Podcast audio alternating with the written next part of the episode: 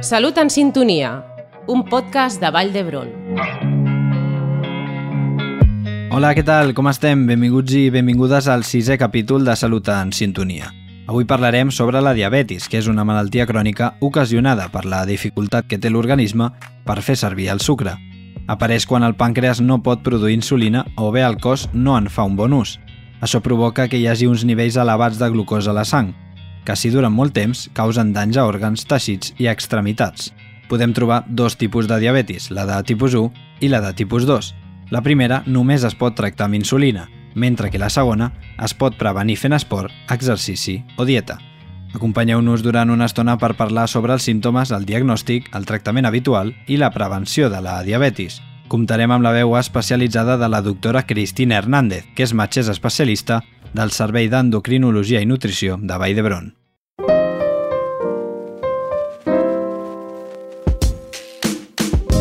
Bé, doncs, per situar-nos ens preguntem com actua la diabetis? Doncs hi ha diversos tipus de diabetis segons el dany que causa. La doctora Cristina Hernández ens ho explica. Hi ha dos tipus de diabetis fonamentalment, la diabetis tipus 1 i la diabetis tipus 2. La diabetis tipus 1 succeeix en aproximadament el 10% dels casos de diabetis i apareix generalment a la infància o la joventut. La diabetis tipus 2 és la més freqüent, eh, ocupa aproximadament més del 90% de casos de diabetis i es diagnostica fonamentalment a partir dels 40-50 anys d'edat, encara que en l'actualitat i pels hàbits de vida poc saludables s'estan començant a detectar casos en nens i adolescents.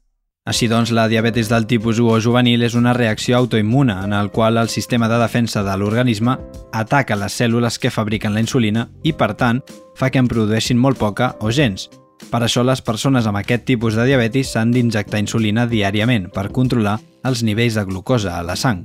La diabetis de tipus 2 o d'adult pot aparèixer per resistència a la insulina, per una deficiència o per totes dues causes alhora. Pot afectar persones de qualsevol edat que acostumen a tenir problemes de sobrepès o d'obesitat.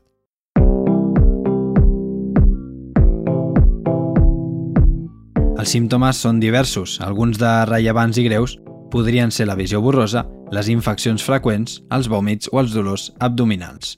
La doctora Hernández ens destaca els símptomes més freqüents depenent del tipus de diabetis i com afecten. En el cas de la diabetes tipus 1, el seu diagnòstic és fàcil perquè els símptomes apareixen de forma aguda i són molt cridaners, com la pèrdua de pes, malgrat no haver perdut la gana, orinar molt, tenir molta set, estar cansat. En canvi, en la diabetes tipus 2 els símptomes són poc cridaners i moltes vegades el pacient es diagnostica molt tard quan ja les complicacions han aparegut. Cal tenir en compte, doncs, i és important remarcar-ho, que a vegades, com ha comentat la doctora, poden no aparèixer els símptomes fins que el pacient ja té complicacions i és llavors quan se li diagnostica la diabetis.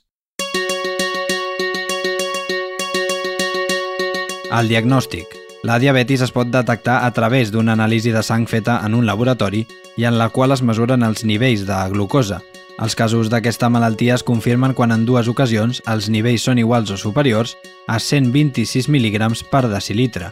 A més, es considera una glucosa anormal quan la xifra està entre els 110 i els 125 mg per decilitre. La diabetis tipus 2 dona poca simptomatologia i poden passar molts anys abans que es detecti. Per això es diagnostica quan apareix alguna complicació o arran d'una anàlisi de sang rutinària.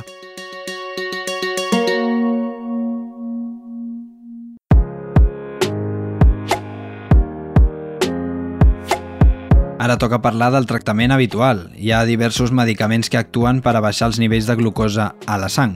En cada un dels tipus de diabetis, a més, es requereixen tractaments diferents. En la diabetis de tipus 1 s'administra insulina. En canvi, en la diabetis de tipus 2, normalment, el primer tractament per a baixar els nivells de glucosa a la sang és perdre pes i fer activitat física. Si això no és suficient, es prescriuen medicaments orals o injeccions d'insulina. La doctora Cristina Hernández també ens aclareix una pregunta que podem tenir. La diabetis es pot curar? La diabetis no es pot curar. El que sí que es pot fer és uh, controlar-la i evitar que apareixin complicacions. Només en casos excepcionals es pot curar la diabetis, per exemple, en el cas de la diabetis gestacional, que una vegada s'ha tingut el bebè, la diabetis normalment desapareix, o en el cas de diabetis secundàries a fàrmacs, per exemple, els fàrmacs que donem com immunosupressors. En aquests casos, quan es retiren aquests fàrmacs, a la diabetis remeteix. La prevalença de la diabetis en adults ha passat del 4,7% al 1980 fins al 8,5% al 2014. A més, es detecta que va en augment en els països amb ingressos mitjans i baixos.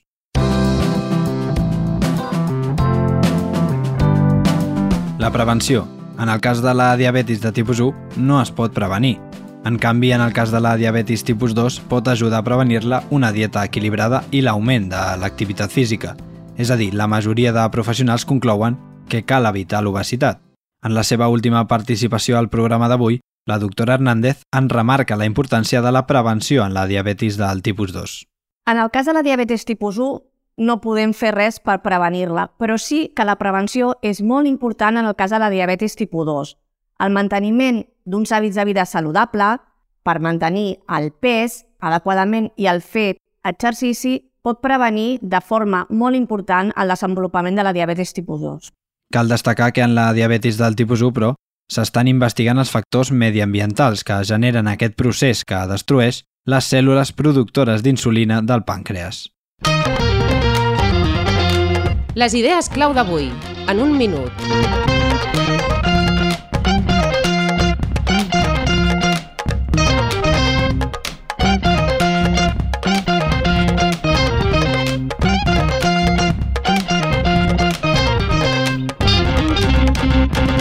La diabetis és una malaltia crònica ocasionada per la dificultat que té l'organisme per fer servir el sucre. Apareix quan el pàncreas no pot produir insulina o bé el cos no en fa un bon ús. Això provoca que hi hagi uns nivells elevats de glucosa a la sang que, si duren molt temps, causen danys a òrgans, teixits i extremitats. Podem trobar dos tipus de diabetis, la 1 o juvenil i la 2 o d'adult. La juvenil és una reacció autoimmuna en la qual el sistema de defensa ataca les cèl·lules que fabriquen la insulina i, per tant, fa que en produeixin molt poca o gens, i només es pot tractar amb insulina. La segona, en canvi, és la més freqüent i es dona en el 90% dels casos. Pot aparèixer per resistència a la insulina, per una deficiència d'insulina o per totes dues causes alhora. Es pot prevenir fent esport, exercici o dieta, mentre que la juvenil no es pot prevenir.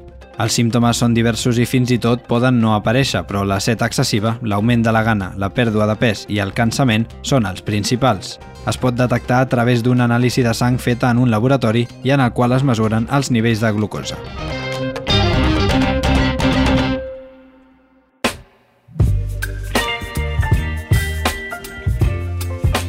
Fins aquí el sisè capítol de Salut en Sintonia sobre la diabetis. Estigueu atents als següents programes per parlar de més consells de salut, més tractaments, més malalties, però sempre amb veus de professionals assistencials. Gràcies per l'atenció i la confiança. Ens escoltem en el següent programa. Fins aviat. Cuideu-vos.